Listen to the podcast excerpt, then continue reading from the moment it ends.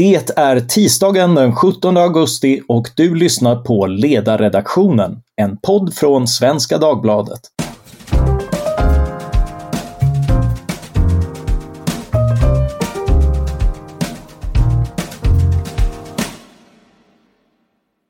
Jag heter Mattias Svensson och dagens ämne är Nils Bejerot och hans politiska betydelse för svensk narkotikapolitik. Mm, ja, det är Bejerots fel. Bejerots fel. Om narkomaner dör så är det Bejerots fel.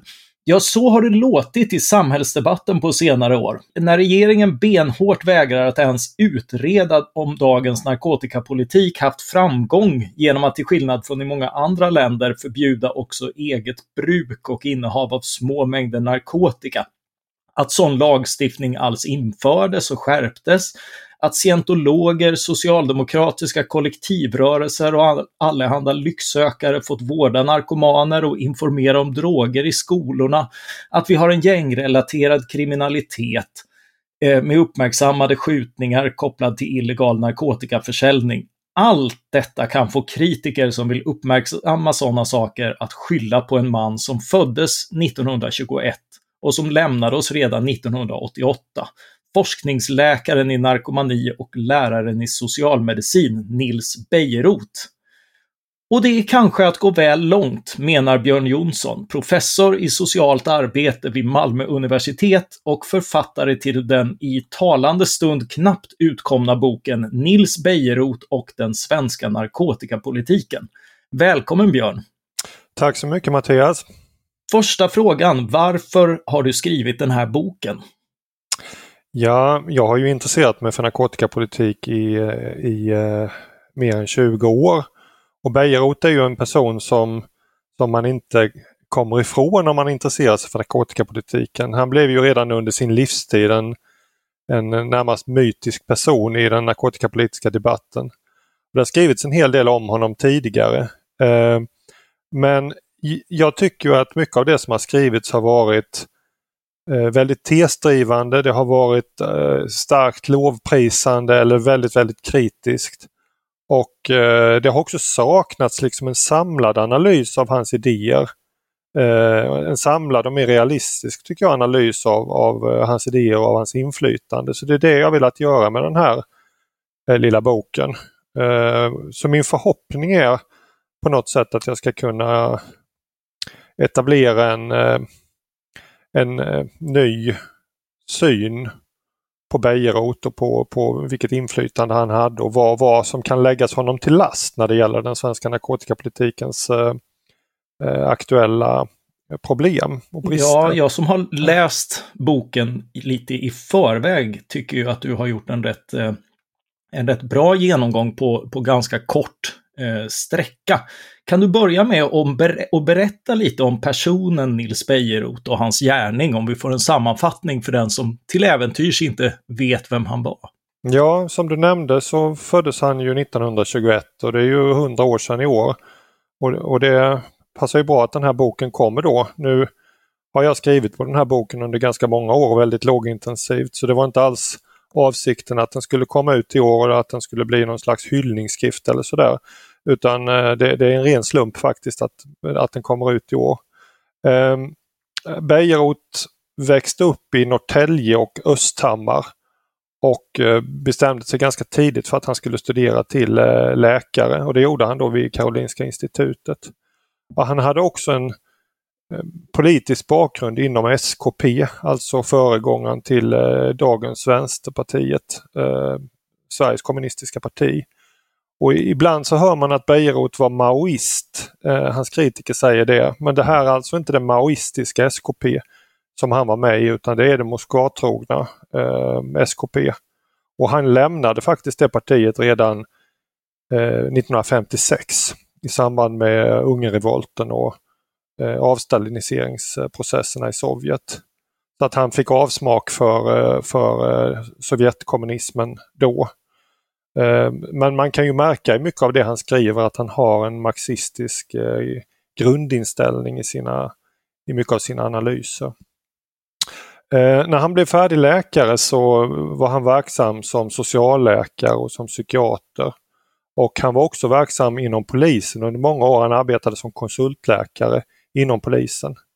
Och I samband med det så, så myntade han också uttrycket Stockholmssyndromet och det kanske är det han är mest känd för internationellt. Att han, att han eh, myntade det här uttrycket som då handlar om hur, hur eh, gisslan eh, tenderar att eh, eh, sympatisera med gisslantagarna och det här var i samband med Nor Nor Norrmalmstorgsdramat 1973. Ja, om, vi, om, om, vi, om vi börjar, för du, du skriver där i boken att, att det är en, eh, vad skriver du, ifrågasatt eh, benämning, ja. men, men, men det, finns, det är väl en rätt allvarlig kritik som riktats mot begreppet? Mot det begreppet, ja det är det absolut. Uh, hela det fenomenet har ju ifrågasatts. Jag är inte alls någon expert på det. Eh, jag bara noterade det när jag läste på lite grann om, om, om begreppet. Eh, I och med att det är det han är känd för internationellt. I Sverige är han ju eh, känd för sin narkotikapolitiska eh, debattlusta. Och han, han började debattera narkotikapolitik eh, i mitten på 60-talet och höll på med det ända till sin död. Så han var ju verksam inom narkotikadebatten eh, ungefär lika länge som jag har varit det faktiskt, alltså drygt 20 år. Eh, men man får väl ändå säga att, att han, han var liksom en, en otroligt eh, dominerande och enveten och inflytelserik debattör under sin livstid det hade man ju bara kunnat drömma om att få det inflytandet.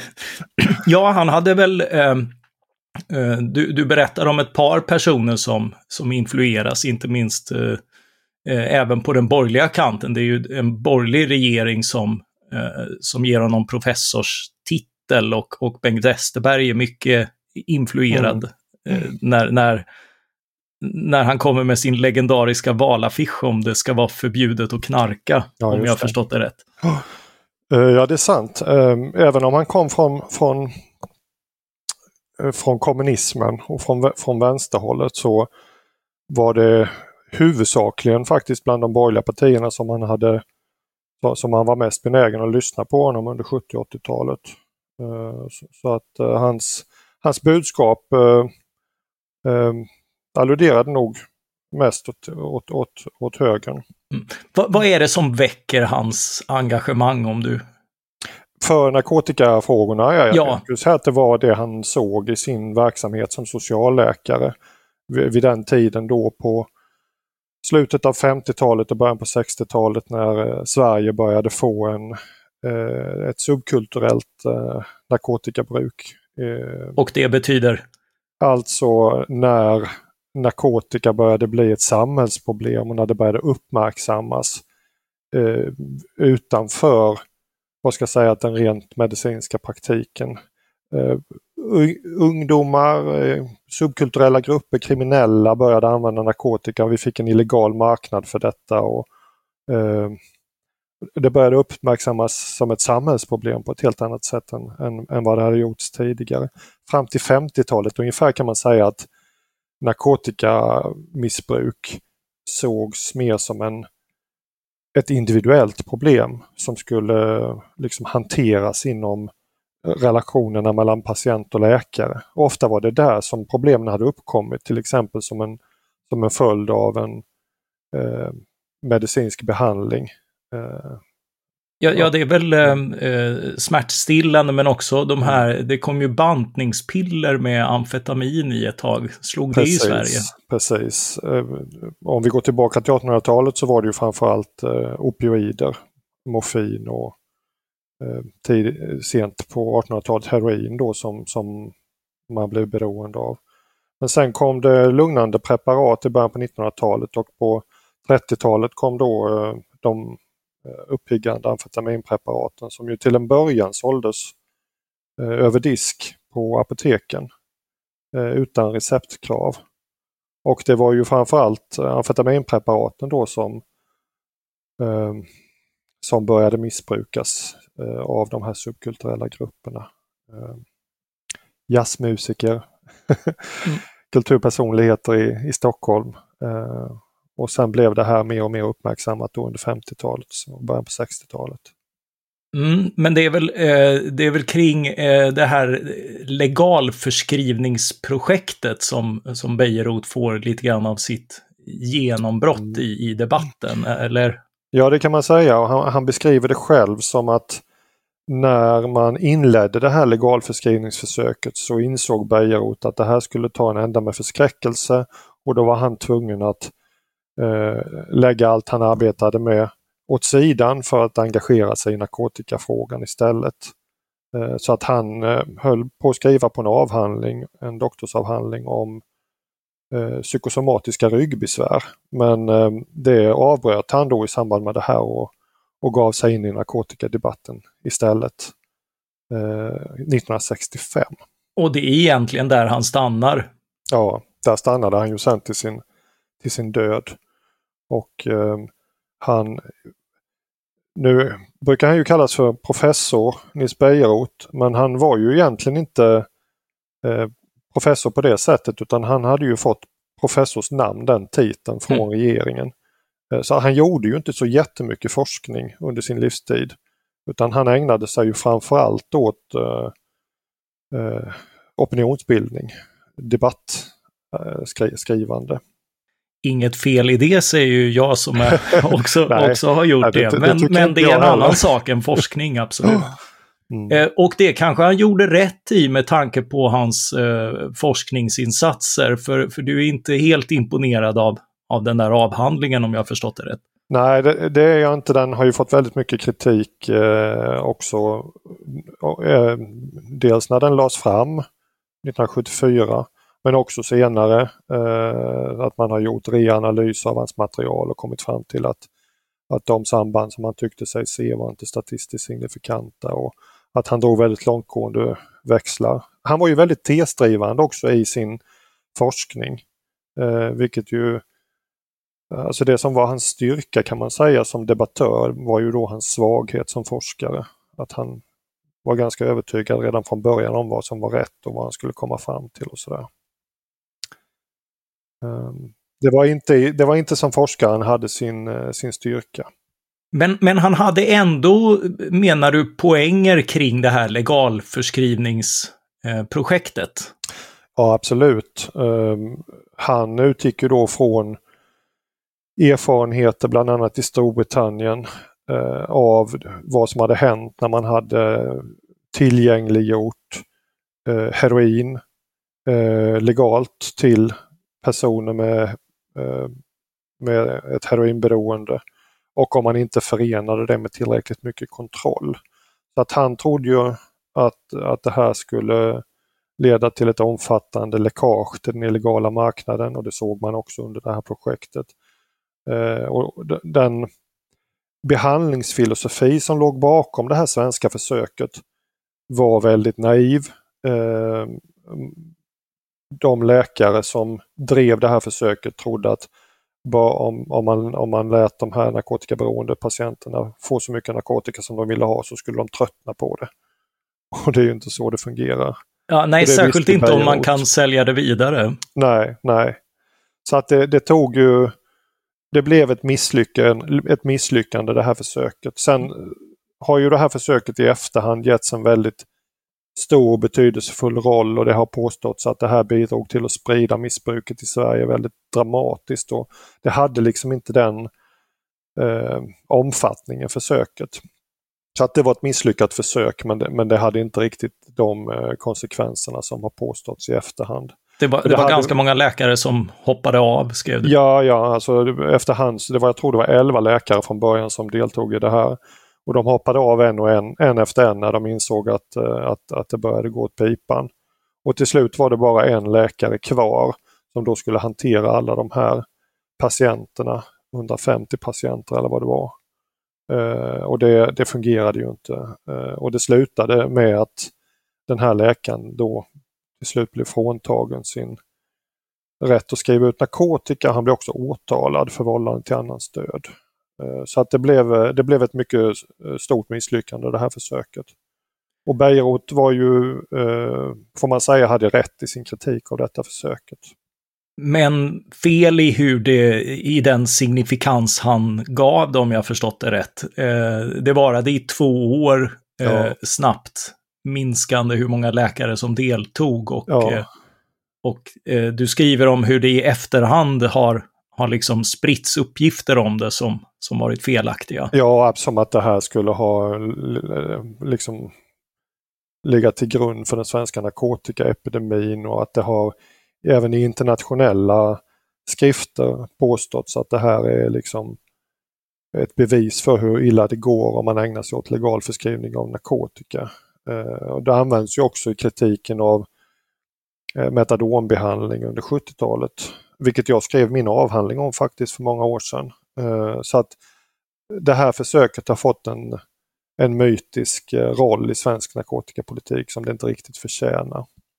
Ja, det är väl lite grann där Bejerot, eh, hans avhandling handlar väl om att visa på en skillnad mellan eh, legal narkotika och, och eh, hårdare ja, tag mot narkotika och att det senare gör skillnad för bruk och missbruk. Precis, han menar att den här narkotikapolitiken som drevs då under perioden 65 till 67, att den var väldigt liberal och sen så, så då skärptes den gradvis eh, fram till mitten på 70-talet när Bejerots avhandling kom då.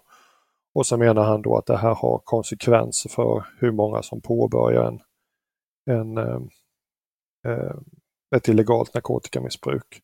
Och det här mäter han då med hjälp av stickmärken på arresten i Stockholm. Eh, så att det är en ganska, det är ganska många antaganden som görs i den här avhandlingen om eh, liksom direkta effekter av politiska förändringar som i sig då kanske inte är så tydliga som Beirut vill göra gällande. Det är ju ändå rätt handfast. Ja, det han mäter är ju ganska handfast, alltså stickmärken. Ja, ja visst. Sen är ju frågan vad det säger. Ja. ja. Eh, men eh, du, du, är ju själv rätt kritisk till Nils Bejerots gärning på narkotikaområdet. Eh, så in, innan du sammanfattar kritiken, på vilka områden vill du ge honom rätt? Han hade rätt i, i kritiken mot, eh, i mycket av kritiken mot det här projektet, till exempel. Ja, jag kan ju tycka, ja det hade han och eh, jag kan ju tycka att mycket, en hel del av det som han skrev framstår ju som ganska insiktsfullt även för mig som sentida betraktare. Han pratade mycket om vikten av att skilja mellan missbruk och beroende. Eh, han antog att det vad, fanns... Vad är skillnaden mellan missbruk och beroende? Alltså eh, beroendet är ju en, ett utvecklat narkotikaproblem där eh, där man har blivit, eh, vad ska jag säga, vad Bejerot pratade om var att till en början så är det här en frivillig handling när man testar narkotika och sen så utvecklas detta till en, ett beroende där man får svår, svårigheter att kontrollera sin, sin droganvändning. Man kan inte motstå drogerna. Och att det här är olika saker. Och Bejerot såg ju det här som dialektiskt. Det här var ju liksom kommer marxismen in i detta att han, han pratade om det som en, en fullständig frihet i början och en, att man blir slav under drogerna i slutet. Och så ser vi ju inte på det idag utan det är ju mer en, en, lång, en långsiktig beroendeutvecklingsprocess. Men det är ändå viktigt att skilja på den som har blivit beroende och den som testar och prövar narkotika till en, en början. Nu kände jag att jag flummade ut här i mitt svar. ja, eh, ja, ja, men alltså det, det, det är ju eh, termer som, eh, som jag tycker är rätt svåra och som gör det också svår, svårt att se hur, om jag har förstått det rätt, det, det är väldigt svårt att bedöma om missbruk eller beroende ökar eller minskar över tid i samhället. Ja, det beror ju på att man tittar på så olika saker. Eh, i, Sverige så tenderar vi att titta väldigt mycket på det här med ungdomar som testar. Vi utgår från skolundersökningarna som CAN gör varje år. Och eh, där frågar man ju hur många ungdomar som i årskurs 9 som har någon gång testat narkotika. Och det där är liksom det centrala uppgiften som sedan används för att motivera den svenska narkotikapolitiken. Att det... men, men då skiljer man inte alls på bruk och missbruk? Nej, det gör man ju inte. Där, eh, eh, där, att testa narkotika blir ju där på något sätt eh, identiskt med narkotikaproblem. Fast de allra flesta som testar narkotika gör det vid enstaka tillfällen och utvecklar inte något beroende senare. Ja, hur, hur är det med, eh, alltså mitt, mitt intryck är att, att, att det för, för i stort sett alla droger, också de mest beroendeframkallande, finns, finns ett omfattande bruk mm. eh, i, i liksom den vedertagna betydelsen, att, att man inte får problem eller, eller, eller alltså stora varaktiga problem. Ja, ja, så, ja, absolut. Och det skiljer sig åt mellan olika droger. Hur hög andel som utvecklar ett beroende. Ja, det enda undantaget jag kan tänka mig är väl cigarettrökning där, där, där ju beroende är väldigt... Ja, men även där är det så att uh, det är en minoritet som, uh, som utvecklar ett, uh, ett nikotinberoende av de som röker. ja, det är klart att man röker kontinuerligt så, så blir man ju beroende av det, men av de som, som, som testar och röker under en eh, kortare period så är det en minoritet som utvecklar långvarigt eh, nikotinberoende. Ja. Och så är det ju med alkohol också, att av, av, av, oss, som, av oss som dricker alkohol eh, sporadiskt så är det en mindre andel som utvecklar alkoholproblem och alkoholberoende. Men, men det är inte så att det är annorlunda effekter som gör att, att narkotiska preparat är, är förbjudna idag? Nej, nej det är det inte. Jag menar det skiljer sig väldigt mycket åt mellan olika typer av narkotiska preparat. Du har ju droger som eh, opioider, heroin till exempel och eh, Ehm, vissa centralstimulerande substanser, exempelvis kokain, som ju är väldigt starkt beroendeframkallande. Och sen har du ju cannabis som är mycket mindre beroendeframkallande. Och du har eh, psykedeliska droger som som är väldigt lite beroendeframkallande. En väldigt låg andel som, som får den typen av långvariga eh, problem. Så att det, det skiljer sig väldigt mycket åt och det skiljer sig väldigt mycket åt i farlighet och i vilka effekter droger har. Så att man, man kan inte säga att eh, narkotika är något speciellt som skiljer sig från, från alkohol på något kvalitativt sätt utan det är olika droger med olika effekter och olika beroendeegenskaper. Men sen skiljer sig beroendepotentialen också beroende på hur man intar eh, drogen och hur ofta man tar den såklart. Mm. Och, men för Nils Bejerot eh, är, eh, ska, ska allt bruk bekämpas? Sånt här kände ju Beirut till också.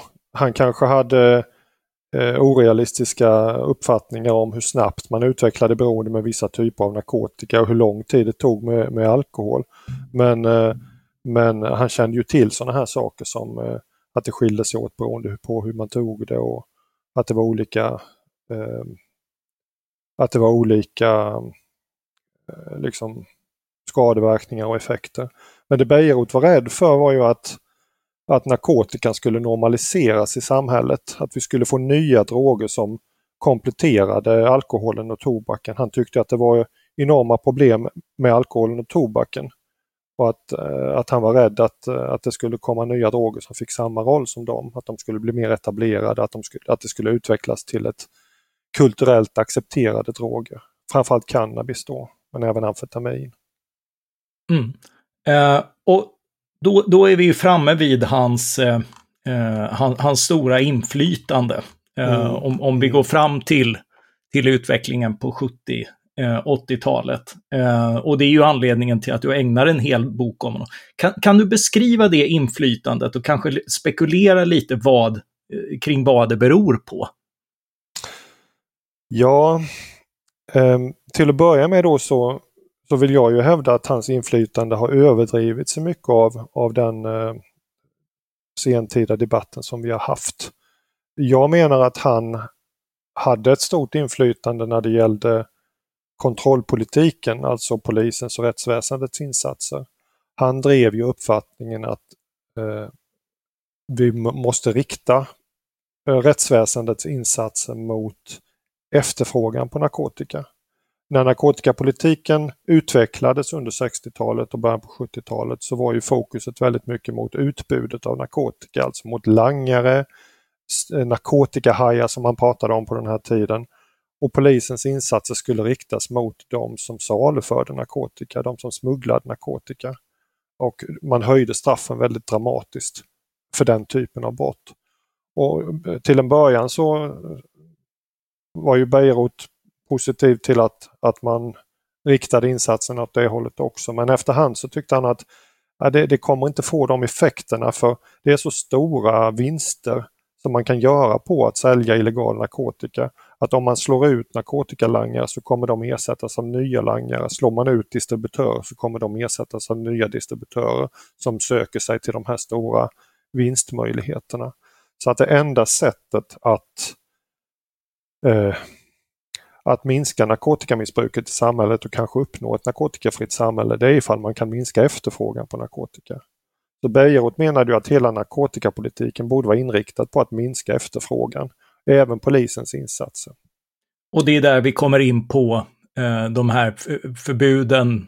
Det ska vara förbjudet att knarka ja. eh, budskapet som Bengt Westerberg har en stor valaffisch ja, om kriminaliseringen av det egna bruket, det var ju eh, en sån fråga som, som Bejerot och hans eh, hans eh, allierade organisationer drev väldigt hårt under 80-talet.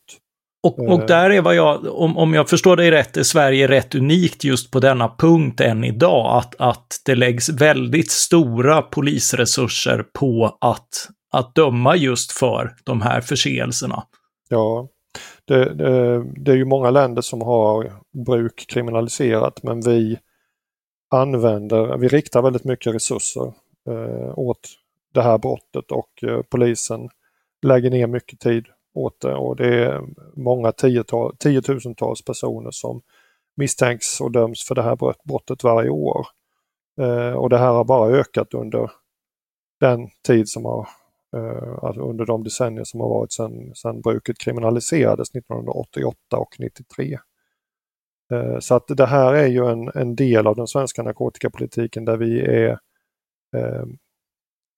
ganska unika internationellt i utsträckningen av hur det här används. Och det är Bejerots fel? Det skulle jag inte vilja påstå att det enbart är Bejerots fel, men det, det, är väl det viktigaste arvet av hans eh, opinionsbildning idag, skulle jag säga idag. Mm. Sen var och, ju inte och han vad har det här lett detta. till, den här politiken? Den har ju funnits sedan början av 1990-talet. Ja, det vet vi inte. För den har ju aldrig utvärderats ordentligt. Och det är ju idag någonting som är väldigt kontroversiellt också. Vi forskare och väldigt många andra aktörer, även politiska partier, vill ju att eh, narkotikapolitiken ska utvärderas men det här har ju eh, från den nuvarande regeringen har man inte velat gå med på en sån utvärdering av, eh, av eh, kontrollpolitiken. Man vill gärna titta på narkotikapolitiken eh, men då på vårdfrågorna. Däremot så vill man inte granska polisens insats och rättsväsendets insatser. Så att det här som är Bejerot, Bejerots arv, om man säger så, är också det som är mest eh, stabilt och eh, som, som, eh, som, inte, som inte är föremål för eh, förändringar, som mm. det ser ut idag i alla fall. Om, om vi då går in på vård sidan? För där, där har det ändå skett en del. Har, har Bejerot haft lika stort inflytande där? Nej, det har han inte. och um, Om man tittar på Bejerot under hans uh, samtid så var han ju en oerhört kontroversiell figur, framförallt när det gällde vårdfrågorna. Han skrev väldigt mycket om vårdfrågorna men um, här hade han starkt motstånd uh, och uh, det fanns också en stor mångfald inom vårdpolitiken på ett helt annat sätt än vad det fanns när det gällde polisens och rättsväsendets insatser. Så att han, han fick ett visst inflytande under sin livstid. Han lyckades stoppa vissa förändringar när det gällde utvecklingen av tvångsvården. Um, han, han, var, var för väldigt, mer? Han ville ha mer tvångsåtgärder. Han ville att uh, olika former av tvång skulle vara grundläggande för eh, vårdinsatserna. Men så är det inte i Sverige utan det är frivillighet som är huvudregeln. Eh. Och, och vad, vad beror det på? Det är för att man, man vet inte sitt eget bästa när man, när ja. man är narkoman? Så eh, narkotikaberoendet menade Bejerot är någonting som eh, Eh, en, sjukhet, en sjukdom i viljelivet, eh, att man förlorar kontrollen över detta och då måste man eh, få hjälp genom, genom att samhället tvingar en på olika sätt. Och han ville se många olika typer av tvångsåtgärder. Han menar att tvång är liksom allting som inte är frivilligt. Så för den som, för den som är ny liksom som kanske blir föremål för samhällets insatser för första gången så kanske det räcker med att man får kratta löv på någon kyrkogård under eh, några veckor som Bejerot skrev om. Eller ut och eh. segla som i Staffan Hildebrands böcker. det skulle säkert kunna vara också ett alternativ. Så det, många har ju fått för sig att Bejerot var en, en förespråkare för att eh, droganvändare skulle låsas in. Eh, men det var liksom i sista hand som han såg det som en, som en möjlighet. Han ville se andra åtgärder i, i första hand. Det låter lite som de gamla nykterhetsnämnderna som, som ju kunde göra nästan ja. allting så fort Absolut. Du... Det var hans ideal och så han ville se en uppdaterad nykterhetslagstiftning eh, istället för den socialtjänstlag som kom då i början på 80-talet. Så att han var kritisk eh, till mycket av de förändringar som skedde på vårdområdet under 70 och 80-talet. Men han förlorade de debatterna. Eh, va, vad gjorde man istället åt, åt missbrukarna? Eh, och vet vi något om vad som har hjälpt och inte? Idag så har det har hänt oerhört mycket på narkotikaområdet sedan Bejerots dagar. Och idag så finns det ju riktlinjer och föreskrifter för eh, insatserna. Och man differentierar i olika insatser beroende på olika, vilken typ av beroenden det handlar om och sådär. Och när det gäller eh, opioidberoende, heroin och sådär så, så är ju idag läkemedelsassisterad behandling eh, den dominerade insatsen. Vi har sprutbytesverksamheter och vi delar ut Naloxon som motgift för överdos och sådana saker. Eh, och det fanns ju liksom inte Metadonbehandling fanns ju på Bejerots tid. På 70-talet när man byggde upp dåtidens narkomanvård, då visste man ju inte alls vad som fungerade och då lät man som lösning så lät man ju tusen blommor blomma. Eh, och då kunde det ju det kunde vara terapeutiska samhällen där droganvändare levde med andra droganvändare eh, och skulle lära sig av varandra och hela miljön skulle användas terapeutiskt. Och det kunde handla om psykodynamisk terapi. Det kunde handla om omlärande behandlingsmetoder som eh, som Hassela till exempel som då eh, var en metod där ungdomar under tvång skulle sättas på skolbänken och lära sig att bli skötsamma arbetare. Och det eh, gillade Bejerot? Ja, det gillade Bejerot, men mycket av det andra som förekom i dåtidens narkomanvård tyckte han inte alls om. Mm. Men, men Hassela blev inte så framgångsrik det heller Hassela uppfattades som mycket framgångsrikt under 70-talet och början på 80-talet. Eh, det sågs som en, som en väldigt framgångsrik lösning då eh, och det var innan det fanns forskning på det. Men sen under 80-talet så började man forska lite grann och då såg man att det här var väl kanske inte så mycket mer effektivt än, än andra metoder som fanns utan det var ungefär liknande effekter och de effekterna var ganska små. Eh, men sen kom också annan kritik mot Hassela under 80-talet. Kritik om att man utsatte eh, placerade ungdomar för kränkningar eh, och även fysiskt våld. Och det här gjorde ju då att Hassela började komma i vanrykte. Och då slutade Bejerot också prata om Hassela som en, som en lösning. Ah, så, så han, han ändrade sig inte utan han tystnade? Ja, så tolkar jag det i alla fall. Eh, han tog aldrig avstånd från Hassela uh, men han slutade att uh, han slutade att förespråka det så som han hade gjort tidigare. Han har i korthet inflytande på eh, det polisiära men inte, ja. på, eh, inte så mycket på vårdområdet. Nej på, nej, på vårdområdet hade han begränsat inflytande. Han bidrog till att stoppa förändringar i tvångsvårdslagstiftningen på, på 70-talet. Man ville etablera en tvångsvård inom psykiatrin. Eh, och Bejerot ville ha tvångsvården inom eh, sociala myndigheter. Helst då i, av den typ som man hade haft i den gamla nykterhetsvårdslagen. Mm. Eh, och det blev ju inte var, var, vare sig det ena eller det andra. Det blev en tvångsvård inom socialtjänsten men den såg inte alls ut som, som den gamla nykterhetsvårdslagen utan det var frivillighet som, som dominerade. Ja, så att där, så... Där, eh, där fick han väl delvis sin vilja igenom, men det, själva lösningen blev inte som man hade önskat. Ja, vi kan bara halvt skylla på honom. Ja. Ett, ett, annat perspektiv är ju just den här eh, alltså samhälleliga mobiliseringen och, och eh, oförsonliga kampen. I hans perspektiv, en del skyller honom för allting och, och, i hans perspektiv verkar allting vara liberalernas, till och med ultraliberalernas fel. Hur, hur mm. tänkte han där? Ultraliberaler var ju hans beteckning för dåtidens vänsterradikaler och de inkluderade väl även en del folkpartister. Men det var ju inte liberaler av, av din, ditt snitt, eh, Mattias. Ja, jag känner mig lite negligerad här. men, eh, eh, nej, men han vände sig ju mot den radikala tidsandan som var eh, på 60-talet. Han såg ju mer liksom det traditionella samhället med de skötsamhetsnormer som, som hade rått i småstäder och sådär som, som idealet. Och att det på något sätt kunde vaccinera mot den här typen av problem som narkotikamissbruk utgjorde.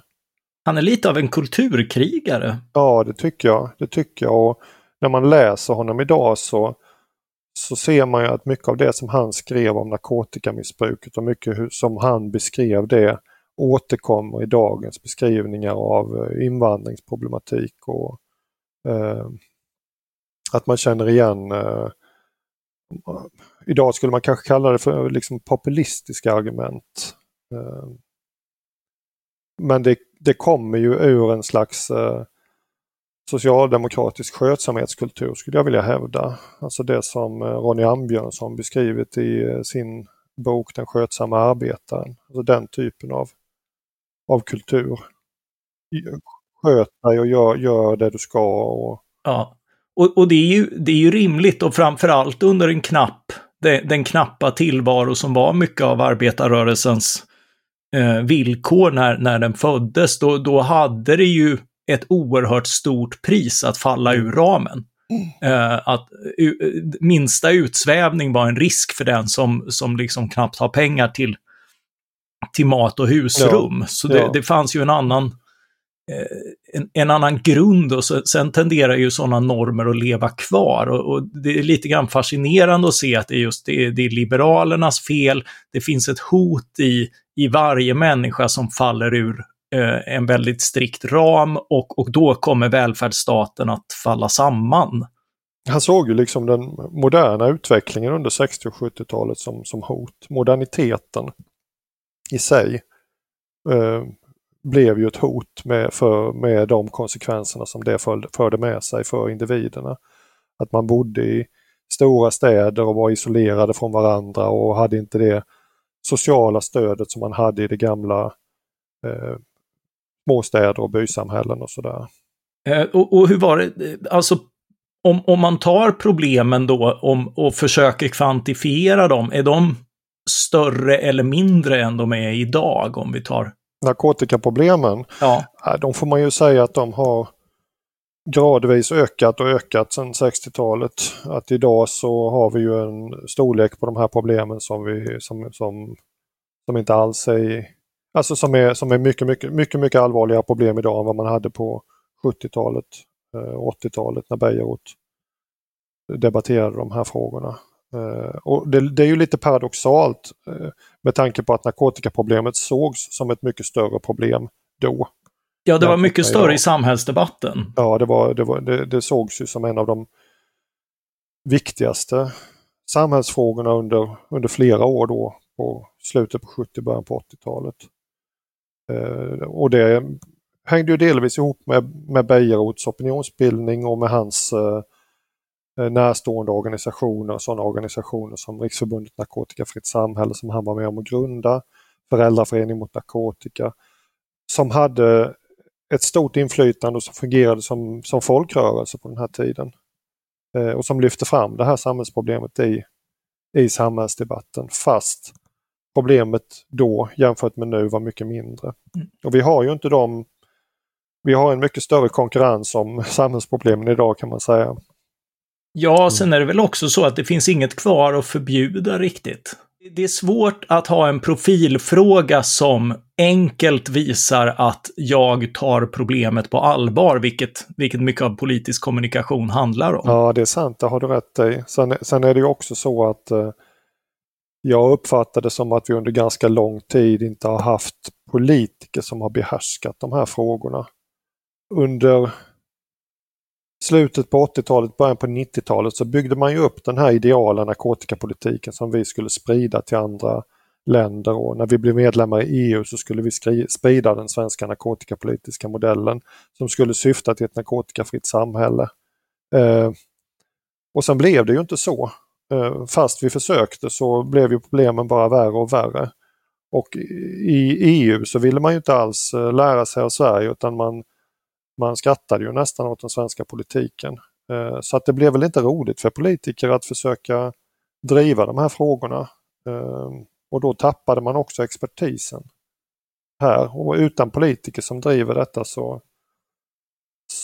så, så, så blir det inte ett samhällsproblem på samma sätt. Utan då blir det business as usual där, där eh, experter och myndigheter hanterar detta år från år utan, utan några större åthävor liksom.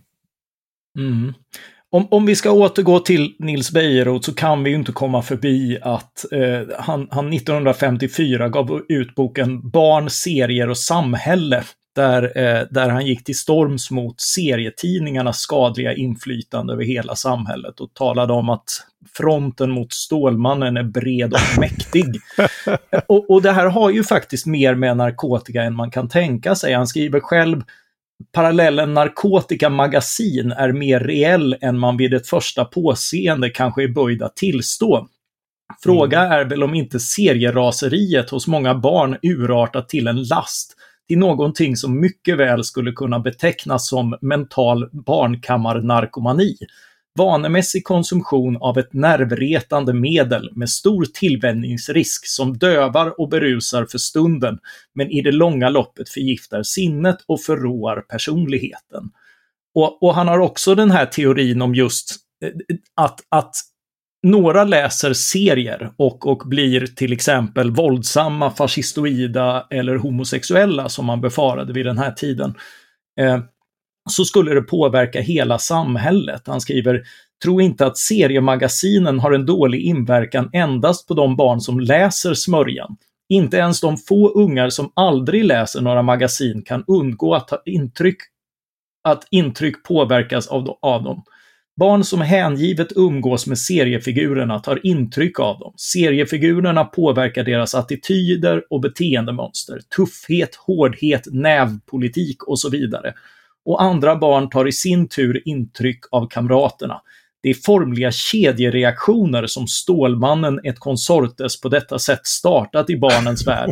Därför angår denna fråga alla föräldrar utan undantag. Och det här är ju väldigt likt hur han resonerar kring narkotika, att det angår hela samhället att Mm. Att några brukar och andra missbrukar och, och du noterar själv att här finns liksom ändå en tankemässig koppling till den här maoistiska samhällskampen. Mm, mm. Jo, det gör det ju det, det har väl att göra med Bejerots sätt att tänka. Uh, och där är det han, som du citerar här nu, så gör han ju kopplingar till narkotika också. Men det här skrevs ju 1954. Mm. Eh, vilket ju är nästan 15 år innan han började på allvar intressera sig för narkotikafrågan. Eh, jag tror inte att han senare under sin karriär skulle göra lika tydliga kopplingar till serier. Eh, han återkom ju inte särskilt mycket till det här med seriefrågan i sina senare eh, i sitt senare skrivande. utan det var ju narkotikan liksom som, som dominerade där. Den, den gavs en, återutgavs ändå eh, av Folket i bildkultur mm. från 1981, så flera decennier senare gjordes den fortfarande aktuell. Mm, mm, det är sant. Men det är klart, han, han drev inte en lika oförsonlig kamp mot, mot Stålmannen-läsare. Det blev aldrig någon kriminalisering av personligt bruk i alla fall. nej, nej, och man kan ju skratta åt, åt det där i, i efterhand. Samtidigt kan jag ju tycka att han hade en och annan poäng i sin kritik mot serier också. Att han talade om dem som eh, eh, sexistiska och, och eh, rasistiska, eh, kritiserade kvinnoroller och sådär. Eh, och eh, det var väl en rimlig kritik mot, mot, mot dåtidens serier. Ehm, men ehm, han, han drog gärna saker till sin spets. Eh, Ja, han kanske platsar i någon av, någon av eh, han, han finns säkert med i någon av Kalle Linds böcker om människor som gått för långt eller något sånt där. Det tror jag han gör. Eh, slutligen, eh, jag har hållit dig väldigt länge och eh, er lyssnare också. Vad hoppas du på för respons av folk som läser din bok och hur kan man få tag på den? Eh, ja, jag hoppas ju att, att man ska läsa det här och att, eh, att boken ska bidra till att man får en mer realistisk bild av Bejerot och vilket inflytande han har haft över svensk narkotikapolitik. Jag vill ju också teckna bilden av narkotikapolitikens utveckling. Så att eh, eh, För det har hänt väldigt mycket i svensk narkotikapolitik under senare år. Eh, och ehm, eh, Det har varit en dramatisk utveckling på, på vårdområdet. Och en väldigt liten utveckling skulle jag säga på, på det här kriminalpolitiska området. Så att jag vill ju att man ska sätta in Bejerot i eh, sitt rätta perspektiv, att man ska kunna fördela ansvaret för politiken på ett mer rimligt sätt också. För som det ser ut idag så många av de som är kritiska mot svensk narkotikapolitik ger ju Bejerot skulden för väldigt mycket som han faktiskt inte eh, hade något speciellt ansvar för. Och ja, jag, får, de... jag får erkänna mig lite skyldig på den punkten. Lite ja, man, man, hör ofta till exempel att han ges skulden för att vi har en låg tillgång till metadonbehandling eller för att vi inte har haft, eh, att det hade varit ett stort motstånd mot sprutbytesverksamheter. Men Bejerot var ju inte någon motståndare mot sprutbytesverksamheter. Tvärtom så ville han att sprut, sprutor skulle kunna köpas fritt på apoteken. Ja, där är jag ense med honom. Eh, ja. Legalisera. Och, och ehm, när det gällde metadonbehandling då som var en viktig fråga under hans livstid så hade han olika uppfattningar och pendlade lite grann fram och tillbaka i den frågan. Motståndet mot metadonbehandling drevs av andra aktörer huvudsakligen, inte av Bejerot. Han har fått skulden för mycket av det han faktiskt inte eh, var särskilt ansvarig för. Och I och med att man lägger så mycket av skulden på Bejerot också så, så blir ju de de verkliga politiska beslutsfattarna kommer ju undan så att säga. Eh, Bejerot var inte beslutsfattare, han var ju vad man idag skulle kalla, kalla för lobbyist. Och de som fattade de verkliga besluten de valde ju i vissa avseenden att lyssna på Bejerot. Men då ska ju ansvaret fördelas. Eh. Det tycker jag är en, eh, en mycket god eh, slutpoäng. Eh, boken har sin release den 18 augusti. Det stämmer och den går att beställa från den går att förhandsbeställa från eh, förlaget Arkivförlag till rabatterat pris men sen släpps den på nätbokhandlar och sådär eh, eh, på onsdag den 18 augusti. Mm. Då fick vi lite reklam också. Tack så mycket Björn Jonsson för detta intressanta samtal. Tusen tack för att jag fick vara med. Tack också till alla er som har lyssnat på ledarredaktionen. Vill ni att vi ska bilda en folkfront mot Stålmannen eller något annat förgripligt? Eller har förslag på hur vi kan få till en riktigt epidemisk spridning på denna podd? Så mejlar ni till ledarsidan svd.se. Ledarsidan svd.se. Jag vill också passa på att tipsa om vår grannpodd Dagens Story som varje dag kämpar med ett aktuellt ämne i 15 minuter. Producent för det här avsnittet var Jesper Sandström. Jag heter Mattias Svensson och jag hoppas att vi snart hörs igen. Tack för den här gången.